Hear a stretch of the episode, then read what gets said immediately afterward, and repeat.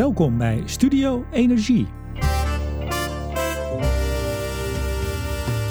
Alarm om klimaatakkoord, kopte de Telegraaf vorige week naar aanleiding van een brief aan minister Wiebes van MKB, LTO en VNO-NCW. De drie zijn allesbehalve blij. Eerder al dreigde de milieubeweging het akkoord niet te tekenen. Inmiddels wil GroenLinks zelfs de industrie wegsturen van de klimaattafels.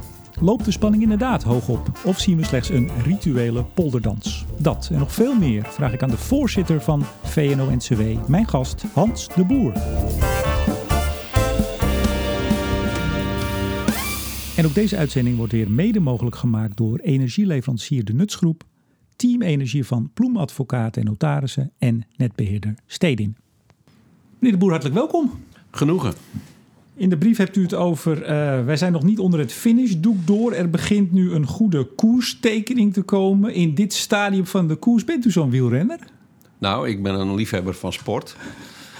En ik heb groot uh, respect voor uh, de, ja, de sport van het wielrennen. Want ik vind wat de jongens presteren in een Tour de France of een Giro, dat vind ik ongelooflijk. Ja. U hebt het erin gefietst in de brief, de koersvergelijking. Ja, dit, ja, ja, ja, ja, dus we zijn er nog niet. Maar ja, we zijn behoorlijk ver uh, per tafel. En uh, ja, wij hebben één keer in de vier weken... hebben we hier met alle deelnemers vanuit het bedrijfsleven... die aan de verschillende tafels en subtafels zitten... hebben we een uh, bijeenkomst en zeggen waar staan we nou precies. En die vergaderingen zit ik voor... En uh, dan wordt een beetje uh, ja, uh, de, de, de, temperatuur van het water gemeten. En dan wordt ook gekeken van wat gaan we nou de komende periode doen. En als bedrijfsleven breed. En in de voorlaatste vergadering is afgesproken dat we, als we zo tegen het einde van het proces zouden lopen van de kerst, zou ik maar zeggen dat we dan nog eens een keer uh, de temperatuur zouden meten. En dat we dan de losse einden, dingen waarvan wij zeggen van ja, dat loopt nog niet helemaal goed, dat we die zouden benoemen en dat we die zouden neerleggen uh, bij Erik Wibbes. Ja, dat is deze brief geworden, tien ja, punten. Tien punten. Puntjes op de i, zegt u. Ja. De, de Telegraaf kopt, ik zei het al in de intro, alarm om klimaatakkoord. RTL, ook werkgevers slaan alarm. Was u blij met die kop? Nou ja, een kop is een kop. Um, uh, de brief is zo uh, geschreven dat die tien punten die zijn benoemd. Uh, maar als je kijkt naar de lijst die om het schilderij heen is gelegd, de, de toonzetting, dan is dat een hele constructieve, vriendelijke toonzetting. Waarin het bedrijfsleven zegt van nou, hulde voor alles wat er nu ligt. Uh, we vinden dat in de hoofdlijn ook goed, maar je moet nog wel een paar punten oplossen. Ja, dus dat is alarm, is de, alarm is dan wat te zwaar uitgedrukt, vinden gaan, wij. We gaan het zo over de brief hebben, uiteraard. Ja. Uh, waarom hebt u gekozen om er een open brief van te maken? Excellentie, beste Erik staat erboven. U had hem ook gewoon in envelop kunnen doen en uh, daarbij laten. Het nadeel van de tafelbenadering en de subtafelbenadering, want er is nogal wat, is dat de integraliteit van de inzichten ontbreekt een beetje. Dat merk je zelfs in onze uh, vierwekelijkse besprekingen. Uh, de lui die bij uh, mobiliteit zitten, als voorbeeld, hebben heel weinig zicht op wat gebeurt er nou eigenlijk in de gebouwde omgeving. En die hebben weer heel weinig zicht op de industrie. En dan heb je ook nog een financieringstafel. Dus het, het overzicht ontbreekt. Maar dat is een fundamenteel punt. Maar waarom hebt u de brief openbaar gemaakt? En toen, nou, dat is gewoon een zaak. Uh, kijk, uh, afgesproken is met, nou, het zijn een veertigtal deelnemers die aan die tafel zitten, dat wij deze brief zouden schrijven. Over de inhoud waren we het eens. En uh, wij delen dan die brief uiteraard met die 40, 50 deelnemers en met Erik Wiebes. En ja, dan gaat zo'n ding gaat zo, toch zweven. En dan is het maar beter om hem zelf op het internet te zetten. En op onze website en hem ook toe te lichten. U zegt ook in de brief, uh, nou ja, weg eraan om die, die punt op de i te zetten. Hè. Dat gaan we zo doen. Althans, dat gaat u doen. Opdat daarover geen misverstand uh, kan bestaan. Hoe zou er een misverstand kunnen ontstaan? Nou ja, omdat de integraliteit van de inzichten ontbreekt. Dus je hebt heel weinig mensen die het overal uh, inzicht hebben. Dus je hebt natuurlijk Ed Nijpels en dan heb je de, de tafelvoorzitters... en die zitten dan met z'n zes ook weer eens bij elkaar. Maar dat is een klein inkraut groepje. Uh, ik moet dan zelf uh, eens in de zoveel tijd even langs bij uh, Erik Wiebes om de zaak ook te bespreken. Dus ik word ook geacht om het overal u, over... U, u, moet langs of u mag langs? ik mag en ik moet. Dus ik mag langskomen van mijn goede vriend Erik Wiebes, maar ik moet langs van mijn leden. Kijk aan. Ja. Um, systeemtransitie, dat is wat u eigenlijk wilt. U zegt wij willen geen boekhoudkundige manier van de CO2-tonnenjacht puur binnen de nationale landsgrenzen. Dat zegt u. Ja, dat is een hoofdpunt. Ja, ja dat is een hoofdpunt. Maar dat eigenlijk is nou precies wat er wel gebeurt. Ja. Dus bent u niet, uh, ja, loopt u niet een beetje achter de wagen aan te roepen terwijl iedereen al verder is? Nou, ik denk het niet. Um, kijk, Nederland is goed voor 4 promiel van de uitstoot. CO2-uitstoot wereldwijd. Ja, 0,4 procent zeg ik maar even voor de mensen die geen promiel... Uh... Ja. Dus 4 op de duizend. En uh, wij gaan nu uh, proberen om dat eerst met de helft en uh, straks misschien wel richting nul terug te drukken. Misschien wel, wel zeker. Ja, dat, dat is het streven. En dan moet je wel het koele verstand daar heel goed bij gebruiken. Dus A, wij willen het. Dus vanaf het begin hebben wij gezegd: ja, die klimaatopgave die ligt er. Uh, en laten we daar nou op een hele goede manier mee omgaan. En een goede manier is, wat ons betreft, dat je een balans vindt tussen welvaart binnen de landsgrenzen en de aanpak van de wereldwijde klimaatproblematiek. Die, die combinatie. En dat is een dat is een enorme opgave. Maar die aanpak die u graag wil, daar heeft het kabinet tot nu toe althans niet voor gekozen. Nou, het kabinet, uh, dus uh, Erik Wiebes is aan de slag gegaan met een bepaalde aanpak. Dat zijn die tafels. Per tafel, per sector, uh, wordt van alles en nog wat op tafel gelegd. Dat is echt indrukwekkend als je dat ziet. maar het in elkaar verweven, en er met elkaar het beste van maken, balans nationale welvaart en mondiale uh, klimaatproblematiek, dat heeft nog niet, ik denk dat dat bij een hele hoop mensen nog niet goed is ingedaald. En nou. dat heeft te maken met die aanpak per tafel en dat heeft te maken met het feit dat het integrale overzicht ontbreekt. Maar vlak voordat het kabinet, of eerst de planbureaus eigenlijk met hun doorrekening kwamen, dat was een week voor uh, de kabinetsappreciatie. Toen hebt u ook een, een artikel geschreven samen met uh, Oudshoorn, uw directeur. ESB. Zeker. Um, dat was een mooi moment, want dat was 40 jaar 40 jaar uh, na mijn eerste artikel in ESB. Kijk eens aan. Kijk eens aan. Dus ik, ik, dacht, laten we dat nog eens een keer doen. Ik hoorde Ed Nijpels overigens op de persconferentie zeggen... Uh, dat hij het wat raar vond dat u in zo'n wetenschappelijk blad mocht uh, schrijven. Maar nee, maar... maar, maar de, de, Ed Nijpels kan zich niet voorstellen dat iemand in een hoge bestuurlijke positie vroeger ook hoge cijfers had. Kijk, nou die kan hij in zijn zak steken. Um, ja. Maar toen maakte u eigenlijk hetzelfde punt. Hè? Uh, toen ja. zei u die integraliteit uh, ontbreekt. Ja. Uh, ik heb hem overigens Nijpels dat nog even op de persconferentie voorgehouden. Toen zei hij, nou dat is wel zo. Dat gaat hartstikke goed. Dat gaat prima. Ja, en dat... iedereen aan de tafels die vindt dat ook. Nee, maar dat is niet zo. Hij, wat we nu zien is um, dat je je meet per sector. En je meet binnen de landsgrenzen. En dat is prima. Om mee, want je moet ergens beginnen, dat is prima. Maar dat vinden wij niet goed genoeg. Uh, u. Ja, maar sorry, vindt u dat niet goed genoeg of vindt u het eigenlijk gewoon niet goed? Want als ik die brief goed lees, u zegt eigenlijk ook die verdeling per tafel vinden we eigenlijk maar zo-zo. Want het is eigenlijk best wel strak. Dat lag al in het regeerakkoord. Er stond per tafel, per sector bij hoeveel ton. Ja.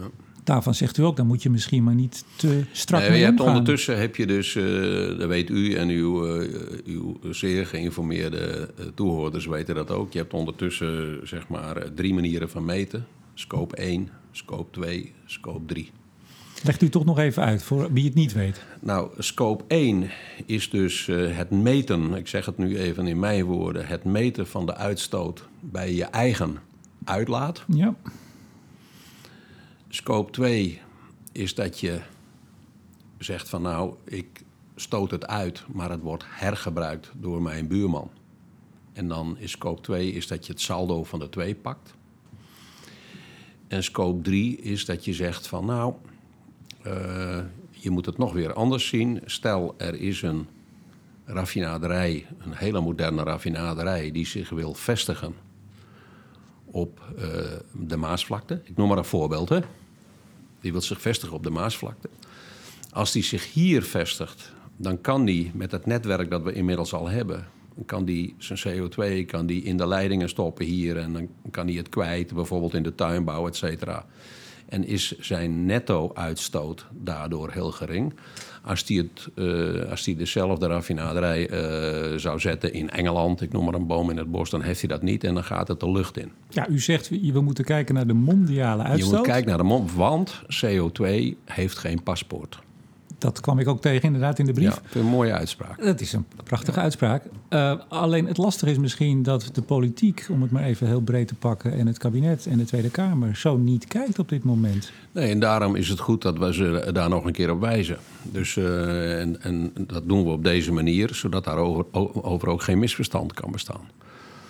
Die 49% in 2030, dat is dan ons tussendoel, zo noemt u hem ook. Op weg naar die ja, bijna nul in 2050. Ja. Ook van die 49 zegt u eigenlijk, daar moeten we ons niet te veel op blind staren. Het gaat om dat einddoel 250. En, maar dan is eigenlijk de vraag, zegt u, het kan ook iets minder zijn of misschien iets meer. Die 230 moet niet te strak zijn. Nee, dan moet je inderdaad, uh, het gaat erom dat je naar nul gaat uh, in 2050. Want uh, er zit wel degelijk druk op. En dat vinden wij ook. Maar wat wij verwachten is dat uh, als je te veel gaat micromanagen, verlies je het grote beeld uit het oog. Wij denken dat van de benadering die wij kiezen, dat heel veel afhankelijk is van allerlei innovaties. Soms is die technologie nu nog niet eh, beschikbaar. En heel vaak is die nu nog niet zodanig schaalbaar dat die ook feasible is. Dus van ja, kijk nou niet te klein. Want uh, dan ben je voortdurend in paniek. Maar probeer de grote beweging in de gaten te houden. En probeer daar naartoe te gaan op zo'n manier dat het en technologisch, dat je de technologie een kans geeft. En op zo'n manier dat je de kosten uh, per eenheid CO2 uh, eh, ook, weet te beheersen. Maar u zegt, en daar begonnen we ook mee, dit is een brief om wat puntjes op de i te zetten. Maar dit is toch gewoon een heel fundamenteel andere kijk die u hebt en uw achterban op hoe deze opgave moet worden aangevlogen? Nou ja, in die zin, uh, kijk, en dat is denk ik goed economisch uh, kijken. Je moet niet denken dat je met een halvering van de 4 promiel. Hè. Mutatis mutandis, want ondertussen lees je, heeft u ook vast en zeker gelezen... China en India die groeien enorm met een CO2-uitstoot. Dus onze 4 promiel van nu uh, wordt alsmaar kleiner. Hè. Uh, de, wat, wat dat dan gaat, zou je ook kunnen zeggen van... nou, uh, als we niks doen... Wordt die steeds kleiner? Wordt die steeds kleiner, maar nee, wij, wij willen het serieus nemen... Uh, we willen het serieus nemen, maar denk nou niet dat door je eigen nationale klimaatgeweten te sussen, dat je een bijdrage levert aan het mondiale probleem. Ja, maar dat, dat punt is helder. Maar, ja, maar dat vind ik zo belangrijk om dat nou nog eens een keer goed te zeggen. Want ik weet zeker dat het gros van de Nederlanders, die dat misschien iets minder goed onder woorden brengt dan ik nu, die denken hetzelfde. Die denken van ja, wat zijn we hier aan het doen en wat is de wezenlijke impact daarvan? En daar willen wij rekening mee houden. Dat is één. En de andere is dat je ja, welvaart, dus zo eindigt de brief. De brief zegt: laten we samen op weg gaan en zoeken naar de goede balans tussen welvaart binnen onze landsgrenzen en de aanpak van de mondiale klimaatproblematiek. En die balans is vreselijk, vreselijk belangrijk. Wat je nu ziet in het debat dus het blijft nog net een beetje, het, is, komt een beetje aan de oppervlakte zo. Maar het, steekt nog niet echt de kop op. Maar wat je nu ziet in het debat is, uh, dus bijvoorbeeld uh, Buma heeft dat gezegd. En die doet het op een hele genuanceerde wijze. Die zegt van ja, het mag niet zo zijn dat de burgers straks op een gegeven ogenblik jou in de kou uh, laten staan. Je moet mensen meenemen in je overwegingen. Hij zei dat gisteren nog even bij Buitenhof. Ja. Uh, u, u, bent overigens ook CDA, hè? Ik ben lid van het CDA, ja. Belt u elkaar dan af en toe even? Wij Siebrand? hebben, ja, ik heb met alle fractievoorzitters in de Tweede Kamer regelmatig contact. Want zijn, zijn verhaal klonk wel heel erg als het VNO-verhaal, vond ik gisteren. Nou, ik, ik, heb, eh, ik heb het zelf niet kunnen zien gisteren, want ik had gisteren eh, de kerstwandeling in Noordwijk binnen. En dat zijn ook dingen die moeten Dat mensen moet ook doen. gebeuren. Die moeten ook gebeuren. Dus ik heb het zelf niet kunnen zien. Maar als dat waar is, dan denk ik dat onze brief een goede invloed heeft gehad. U, u, hebt, u zegt ook, ehm, u bent eigenlijk bang, en dat is natuurlijk wat we vaak van de werkgevers horen: het level playing field, het gelijke speelveld, investering in Nederland. U zegt ook, eh, nu al staan grote nieuwe buitenlandse investeringen Ja. op het spel. Ja. Hebt u daar een voorbeeld van? Ja. Er is, eh, dat heeft ook in kranten gestaan, er is een, eh, een investeringsproject gaande. Dat heet INEOS. Het neerzetten van een hele moderne, grote raffinaderij die moderne brandstoffen gaat maken. En die heeft de keuze tussen eh, Maasvlakte 2 en Antwerpen. En eh, ja, heel binnenkort zal naar buiten komen hoe die keuze is uitgevallen. Maar hoor ik u nu zeggen dat achter de schermen het dus speelt hoe Nederland en het beleid hier zal, eh, zal Ja. vorm krijgen in hun keuze? Ja, dus kijk, wat er, wat er nu aan de hand is, dat is dat. eh, eh, en dat moet heel Nederland zich realiseren: dat dit soort van grote industriële bedrijven. Die zijn voor een eh 80%, 90% in handen van buitenlandse aandeelhouders. En die zijn bezig met hun investeringsplannen. En die wegen af wat gaat er aan beleid ontwikkeld worden in elk van de alternatieve locaties waar ik die investeringen zou kunnen doen. Maar nou is, nou is een van de punten die vaak eh, eh, partijen maken, bijvoorbeeld GroenLinks, maar ook de milieuorganisatie, zeggen ja. Vaak wordt het beeld geschetst dat Nederland veel strenger is dan de anderen, maar andere landen gaan ook, moeten ook. Dus dat level playing field, dat zal, eh, nou ik zou bijna zeggen, bijna wel vanzelf ontstaan. In Duitsland zal men meer gaan doen, in België zal men ook meer gaan doen. Wij gaan alleen iets eerder, en dat zal u aanspreken. Wij kunnen die koploperspositie, wij kunnen eerder Ja. eh, technologie ontwikkelen. U zegt het Ja. ook vaak. Dat is toch dan eigenlijk alleen maar goed? Nou, het is wel. Het, je moet altijd bij dit soort zaken moet je, eh, je moet zekerheid bieden. Dus als er een investering moet worden gedaan, wil de investeerder zekerheid hebben. Wat ga je doen? En wat niet alleen in dit geval, wat gaat Nederland doen, maar wat gaat Antwerpen doen, wat gaat eh, Hamburg-Bremen doen, nou, noem het maar op. En als er onzekerheid is, dan is dat slecht voor de investeringsbeslissing. Nou zegt u ook, en dat is een van die tweede fundamentele punten... eh, u bent tegen CO2-minimumprijs. Ik zeg het even wat cru, maar in ieder geval al die heffingen... u heeft het over die nationale heffingen of minimumprijzen... dat vindt u geen goed plan. Waarom niet? Omdat dat je relatieve positie verslechtert. Dus ik zou wel voor een, eh, een CO2-minimumprijs kunnen zijn, maar dat moet minimaal op EU-niveau worden afgesproken. Het level playing field, daar Het hebben we het level weer over. playing field, ja. U zegt... Maar Ja. eh, eh, we gaan nu een beetje op de inhoud van de tien punten in. En dat past ook bij uw rubriek, dus dat gaan we zo doen. Ik wil nog even een puntje maken. Kijk, die brief is, eh, die begint met een kop op het verhaal en een kont aan het verhaal. Als je die brief nou goed leest, dan zie je aan de kop en van het verhaal en aan het eind van het verhaal zie je dat het een heel mooi rondo is met daartussen die tien punten. Wat die brief ook zegt aan, aan de kop van het verhaal is dat hij zegt van ja, er duikt op dit moment in het publieke debat een tegenstelling op, een valse tegenstelling tussen wie gaat hier betalen, de burger of het bedrijfsleven. Daar was ik zo toe gekomen. Maar we kunnen, maar, hem, nee, we kunnen hem nu wel vastpakken. Nee, dat, dat, dat Oké, nou stelt u dan maar de vraag. Nou, ja, nou ja, goed. Maar dan kijken we even of we die van straks... Nou, ik wil nog, als u, als u me toestaat, ik wil nog even terug... Nee, eh, dus het naar punt komt zo meteen, Komt die valse tegenstelling? Ja, Oké, nou dan, alle eh, tijd, u ook. dan dus tabelen we hem even en dan gaan we door met uw... eh, we tabelen hem, heel goed. Ehm, nee, u heeft het over die, eh, die minimumprijs en, en, die, en die heffingen. Ehm, eh, u zegt ook dat dat is ineffectief voor het klimaat, dat soort heffingen. Waar baseert u dat op? Omdat, dus de, dus de heffing, als je hem nationaal doet... Ja? dan is die ineffectief. Dat baseer ik op het feit dat ehm, als, jij, eh, als jij in Nederland zegt van nou ik maak het duurder voor jou om hier je productie neer te zetten, terwijl we wel eh, efficiënt zijn in de CO2-uitstoot, dan gaat men, is men geneigd om naar een andere plek toe te gaan. En dan zal aan de andere kant van de grens zal de CO2-uitstoot groter zijn dan wanneer men hem in Nederland had gedaan.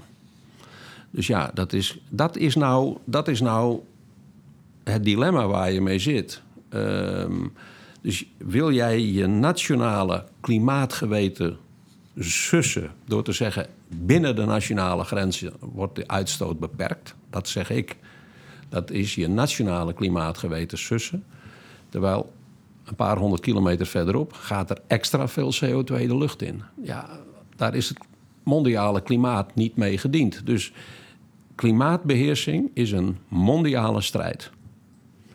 En als Nederland die strijd, in die strijd een, een, goede voortrekkersrol wil uh, hebben, dan moet, moet ze zorgen dat binnen onze landsgrenzen dat we het zo doen dat de concepten die wij hier ontwikkelen, als het ware exporteerbaar zijn, dan wel overgenomen worden in andere landen. Dan doen we het goed. Ja. Je hebt het over een dilemma. Ik heb inmiddels ook een dilemma, want ik krijg net een briefje onder de neus dat we niet zo heel veel tijd meer hebben. Dus ik ga er wat sneller doorheen ja. dan we wellicht hadden gehoopt. Um, op uw website staat dat de nationale CO2-reductiedoelstellingen, dat is eigenlijk een nationale kop, daar hebben we het eigenlijk over, op de Europese afspraken. En dat u zegt, nou ja, goed, vooroplopen is goed, maar doodlopen niet. Ja. Um, Nederlands bedrijfsleven zal dus moeten worden gefaciliteerd om die hoge ambities van het kabinet waar te maken. Daar staat toch gewoon, geef eens even geld, of niet? Nou, da, nee, dan... Kijk, nou wil ik toch eerst even naar die andere, dat andere punt toe. Kom ik ook net op, dus we, zijn, ja. we lopen gelijk. Oké. Okay. Die valse tegenstelling die tussen valse de burger betaalt alles en het bedrijfsleven niets. Ja. Als ik. Als ik even uh, het punt heel hard wil maken, is het om deze reden een valse tegenstelling. Dat in die end betaalt de burger altijd. In die end betaalt de burger altijd. Uh, niet alleen door heffingen, dat soort zaken. Maar als we het zo aanpakken dat het bedrijfsleven hier geleidelijk aan zijn investeringen terugschroeft en we minder jobs krijgen, dan betaalt de burger ook doordat hij geen baan krijgt, een minder hoog inkomen heeft, et cetera, et cetera. Dus het is in die zin een valse tegenstelling. Het is ook een valse tegenstelling, omdat de, uh, uh, juist het bedrijfsleven moet van de honderden miljarden, ja, meer dan de helft opdragen, op, op, uh, opdragen als, uh, als investering. Dus dat is... Hoe denkt u dat die tegenstelling er is gekomen? Ja, dat is, dat is uh, een vorm van populisme, denk ik. Dus als we dit nou maar neerzetten. Hè, dus ik zag ook dat mijn vriend, de heer Klaver, nu had gezegd van Rutte, haal die bedrijven maar van tafel. Ja. Dit is zo'n erg populisme. Want daarmee doet hij alsof hij dan burgers uit de wind kan zetten. Terwijl hij juist op zo'n moment de burgers vol en nog eens een keer heel vol in de wind zet. Want als wij met z'n allen hier de economie niet aan de praat houden, mensen verliezen hun banen en hun inkomen. Uh, dan zou uh, ook de heer Klaver moeten weten, uh, dan verliest hij draagvlak onder de bevolking voor een goed klimaatbeleid. Hij had het zelfs over de zeer kwalijke rol, uh, hoorde ik hem zaterdag bij een vandaag zeggen, van de industrie. Ja, ik, hij, hij, moet weten wat hij zegt, maar hij voedt een bepaald sentiment. En het is, uh, het is desinformatie. Het is, uh, het is heel kwalijk. Maar ook VVD en uw eigen CDA lopen nou niet heel erg hard en warm publicitair als het gaat om het verdedigen van de industrie. Hoe komt dat? Ja, ik, ik denk dat men uh, het for granted neemt dat Nederland een welvarend land is. Kijk, ik moet steeds denken aan, uh, aan mijn aantreden bij VNO-NCW in 2014. Dat was de tijd waarin wij nog negatieve groei of net nul groei hadden. Vier jaar geleden, vier en een half jaar geleden. Toen, vier en een half jaar geleden, dacht heel Nederland nog van... nou, groei zit er nooit meer in. Misschien nul groei. werkloosheid hoog, et cetera, et cetera. Nu zijn we 4,5 jaar verder. Nou draait die economie gelukkig heel goed. En nou denkt iedereen van nou het komt vanzelf. Maar dat is niet zo. Maar hebt u als VNO-NCW dan misschien ook niet iets laten liggen om... als dat allemaal klopt, wat u zegt... die, die verdiensten van de industrie... om die dan beter over het voetlicht te brengen? Nou ja, ik, ik had even... Uh, kijk, ik, ik had even dit boekje meegenomen. Dus VNO-NCW heeft met haar leden... in de aanloop naar de verkiezingen... Uh, het zogenoemde Next Level project gelanceerd.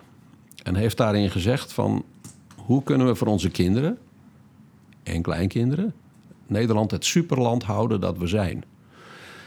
En uh, de hoofdlijnen daarin waren investeren in research and development, in infrastructuur, et cetera. Ja, ik, ik, ik ken het boekje, maar ik denk dat heel veel mensen die naar één vandaag kijken en de Telegraaf en andere kranten lezen, dat niet kennen. Ja, maar ik, ik, ik heb ermee op, uh, ik, ik denk een duizendtal uh, zeepkisten gestaan. We hebben het honderd keer gebracht, maar als men uh, het niet, en het, het staat op websites en weet ik veel wat.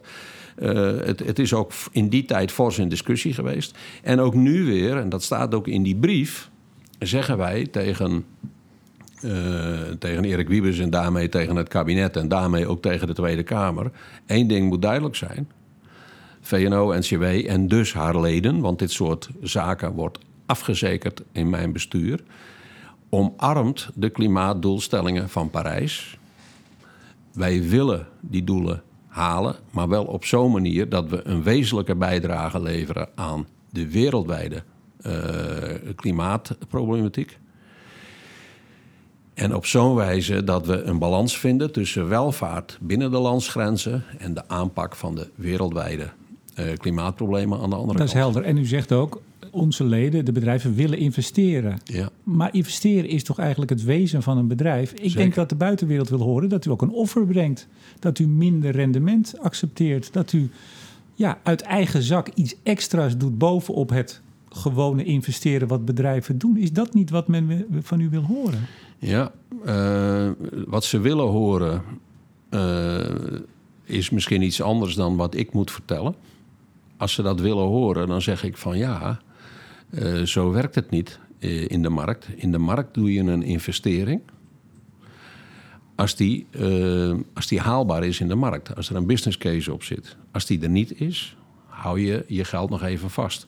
Wat je je ook heel goed moet realiseren is dit. De Nederlanders zelf zijn met onze pensioenpotten van ongeveer 2,5 keer het nationaal inkomen. zelf aandeelhouder bij een heel aantal uh, internationaal opererende bedrijven. En die moet er moet een rendement worden gehaald. Dus uh, ja, we zijn nu. de Sinterklaasperiode is net achter de rug. En in die zin denk ik dat, dat je daar eerlijk over moet zijn. Op een investering moet een rendement zitten. Als, als het collectief, het publiek zegt van ja, ik wil toch dat je die investering doet, ook al zit er geen rendement op, dan zijn er in principe twee mogelijkheden. Of je dwingt het af, maar we, we, we leven in een samenleving waarbij dat afdwingen een prijs heeft. Of de tweede is dat je zegt van nou, we maken het zo aantrekkelijk voor je om het te doen zo aantrekkelijk dat je het toch hier gaat doen. Dat is wat wij nu hebben voorgesteld in de industriegroep met de zogenoemde Competitive Climate Deal. We hebben niet zo heel veel tijd meer, dus ik, laat hem, ik, ik heb hem gelezen en dat is inderdaad wat u wil, maar toch even dat grotere punt. En ik heb uh, meneer Van Beurden van Shell mogen interviewen, ook voor uh, Studio Energie. En je hoort het ook bij andere bedrijven die zeggen, ja, wij moeten gewoon ons rendement maken. Maar dan snapt u toch wel dat burgers die zien dat hun energierekening uh, stijgt, omdat de odebelasting omhoog gaat. En ja, die hebben helemaal niet, die kunnen niet iets investeren of nog lekker rendement maken. Die moeten gewoon geld uit, uit de pocket betalen. En dat willen ze, denk ik, ook van bedrijven zien. En dat zien ze niet. Nee, maar dat is de wereld. Kijk, ik wil ook graag dat dat mooi weer is. En dat is soms het geval en soms niet. Uh, je kan een. Dat is zo wezenlijk aan de, aan de samenleving waarin die Nederland is, maar die eigenlijk de, de hele westerse wereld is. We zijn privé personen, private bedrijven. Wij doen onze dingen binnen de heersende wetgeving, doen wij onze dingen en maken wij onze private afwegingen. dat heeft te maken met eigendomsrecht. De manier waarop onze samenleving is, uh, is georganiseerd. Dat is zo wezenlijk. Als jij nu zou zeggen van... hoor eens, ik wil dat het Binnenhof nu oplegt aan tien bedrijven... zeg maar, uh, ik, pak even een, een Nederlands bedrijf, uh, Nobel... en ik pak even Dow, Dow uit de neuzen. Zeg van, nou wil ik dat jij die en die investering doet. Dan zeggen de bedrijven en hun aandeelhouders van... ja, maar het kost een miljard om het te doen en ik maak er een negatief rendement op. Zeg ja, ik wil dat je het doet. Op dat moment kiest de overheid ervoor om in te grijpen en te dwingen. Dat hebben we gezien uh, vroeger achter het ijzeren gordijn. Dat zie je nu nog in, uh, in een heel beperkt aantal andere landen wereldwijd. Dat de overheid die greep heeft. En die, daar hebben wij in Nederland en in het Westen niet voor gekozen. Dus in onze samenleving is het een kwestie van verleiden. En verleiden... Nou, ja, maar, maar toch even, de kolencentrales die net nieuw zijn, die moeten ook dicht. En daarvan zegt RWE dat is onteigening. Dus dat gebeurt toch al? Ja, maar dan, dan uh, als een overheid dat doet, terwijl de overheid eerst heeft gezegd, ja, dan moet daar dus een schadevergoeding voor worden betaald. Want zo is het leven. En, en wees daar nou maar heel blij mee. Want stel je voor dat je een totalitaire samenleving had waarin de overheid dat wel zou kunnen doen. Maar als dan zouden wij met z'n allen diep ongelukkig worden. Maar als ik u zo hoor, en dat schrijft u ook in de brief, die heffingen, u zegt ook, ik zal het er even bijpakken, daar, neemt, daar wilt u geen verantwoordelijkheid voor nemen. Nee. Um, voor de generieke heffingenroute wil het bedrijf, ik zeg het, geen verantwoordelijkheid nemen. Dat klopt mij wat dreigend in de oren, klopt dat? Nee, dat heeft niks met dreiging te maken. Dat is gewoon uh, dat wij nou, u zegt, wij... wij... willen het samen doen met verleiding ja. en, niet op deze manier. Ja, nou, laat hem dan, want we gaan zo afronden. Uh, laat ik hem dan stellen. Als het kabinet toch op de voet verder gaat die het nu lijkt te gaan... en eigenlijk al vanaf het begin, wat, wat doet u dan? Gaat u dan nog een brief sturen? Of? Ja, kijk, wij hebben hier geen macht. De Malitoren heeft geen macht. Mijn bedrijven hebben geen macht. Dus als de nou ja, overheid... Ze kunnen, vertrekken. Als, het bekende, het bekende ja, dan, toch vaak. Dan, ze, ze kunnen zich het land uit laten pesten. Dat zou kunnen. Maar wij hebben geen macht. Wij zijn overgeleverd aan de wet en regelgeving van ons land. Maar wat gaat er gebeuren dan? Nogmaals, het, het lijkt erop dat het kabinet een andere route kiest dan u uh, voorstaat in uw brief. Nee, zover zijn we nog niet. Ik denk uh, dat je dan heel erg raakt aan de fundamenten van de rechtsstaat die wij zijn. En ik denk dat de overheid, uh, ze kan met heffingen en ze kan met subsidies sturen. Dat is gangbaar. Een, een heffing is nog niet afdwingen. Een heffing is een, een is nudgen in de negatieve zin. Een subsidie is nudgen in de positieve zin. Dat zijn de twee instrumenten die zij beschikbaar heeft. Maar die heffingen, daar heeft Wiebe zelf aan gezegd. Ja, als, als de industrie niet gaat leveren, dan komt er zo'n heffing. Nee, maar er is nog een groot verschil. En dat staat ook in de brief aangegeven. Er is een groot verschil tussen zeg maar een privaatrechtelijke overeenkomst die een een staat aan kan gaan met een groot bedrijf en zeggen van nou, als je dat en dat doet, heb ik, een, heb ik aan de positieve kant heb ik, uh, faciliteiten voor je. Uh, als we daarvoor tekenen, allebei heb ik de faciliteiten. Maar als jij het dan niet doet, heb jij ook een boete. Wordt daar nu aan gewerkt achter nou, de schermen? En dat is, het, de, dat is de kern van de Competitive Climate Deal. Ja, maar wordt daar nu aan gewerkt? Ja, daar wordt nu over gediscussieerd. Maar over en twee dat weken is zo'n moet het rond mooi, zijn. Dat is zo'n mooi instrument. Dat is ook nog nergens op de hele wereld vertoond. Dus ik heb ook tegen Erik Wiebes gezegd: als dit wat wordt. Hè, hij is hier bedacht in de Mali-toren. Als dit wat wordt, dan moeten we daarover aan tafel. Ook met buitenlandse investeerders. Want wat je dan doet, is dat je tegen een buitenlandse investeerder zegt: van joh, we weten dat we met z'n allen die en die kant uit moeten. Dus klimaatneutraal. In Nederland hebben wij een middel bedacht. Waardoor je zeg maar aan de ene kant daarin wordt gefaciliteerd. Dus we kunnen die deal met elkaar maken. Maar weet dan ook dat als jij het niet haalt, dat jij ook privaat, privé als individu, daarvoor een rekening betaalt. Maar- maar dat is iets anders. Dat is wezenlijk anders dan dat je een in- investeerder confronteert met de onzekerheid dat er misschien overal een extra CO2-heffing komt in Nederland. En dat is waar ze bang voor zijn. Dus met die Competitive Climate Deal, dus het staat in die brief. Met die Competitive Climate Deal ontwikkelt Nederland iets heel innovatiefs. Dat, mits we het verder goed uitwerken en mits we het verder heel goed uitleggen, Nederland op de weg zou kunnen helpen om internationaal toonaangevend te zijn, concepten uit te werken die we kunnen exporteren en daarmee een wezenlijke bijdrage. Dat, dat, dat klinkt heel goed. Slotvraag. Die route Ja, ik vind het jammer dat ik dit ding nou niet wat verder uit mag werken, want dit is nou zo'n positief ding. Nou, van mij mag u hoor, maar Ja. ik, volgens mij moeten we wel weer naar een volgende, eh, een volgende afspraak. Ja. Maar misschien kunnen we op een ander moment de zaak verder uitwerken. Dit, Nee, maar ik wil, ik wil u toch nog even, want Ja. ik, u komt daar nu mee eh, in de brief. Eh, nee, dit, dat is Nee, niet bent fair. er- we hebben dat al mee gekomen, eerder zeker. mee besproken. Ja. Maar het lijkt nogmaals niet die kant op te gaan. Er is nu negen maanden wordt er gesproken aan de tafels. Hoe groot acht u de kans dat binnen nu en twee weken er toch iets komt te liggen waarvan u zegt, ja, Wat ik heel raar vind, dat is dat mensen tegen het einde van het jaar, tegen de kerstdagen, opeens allemaal eh, haast krijgen en dingen opeens willen aftikken. Want maar zo als ik, gaat dat. als ik me niet vergis, Zo eh, gaat als ik me niet vergis, gaat na 1 januari de wereld gewoon door. En ik zou zeggen van pak dit op, werk er goed aan en probeer er iets moois van te maken. Dus ik, het heeft absoluut geen nut tegen de achtergrond van eh, wat er speelt op wereldschaal. CO2-uitstoot die alleen maar groeit. Klimaatproblemen, et cetera. Om nou met z'n allen eh, jezelf het hoofd op hol te laten brengen. En te zeggen van het moet allemaal op 21 december rond zijn. Dus ik zou het ook heel verstandig vinden om te zeggen van nou we nemen even een time-out met de kerstdagen. We denken even goed na en in januari beginnen we met een fris gemoed weer. Dat zou ik heel verstandig vinden. Dat is die derde ronde waar al van gesproken wordt. Maar als die er niet komt en het blijft toch bij wat het nu is, komt er dan de handtekening van de bedrijven onder het onderhandelingsakkoord? Nou ja, er staan tien punten in die brief. Ehm, als, die, eh, als daar niet op een nette manier rekening mee wordt gehouden. Kijk, uiteindelijk, ik sta niet. eh, ik ben eh, voorzitter van een vereniging. Ehm, maar ik zou zeggen, die tien punten, de- daar moeten we wel op een serieuze manier eh, eh, van weten. hey, hier gaat Erik Wiebes, eh, hier gaat Ed Nijpels en hier gaat iedereen op een serieuze manier mee om. U begon dit te zeggen, als niet dan, wat maken we eens af?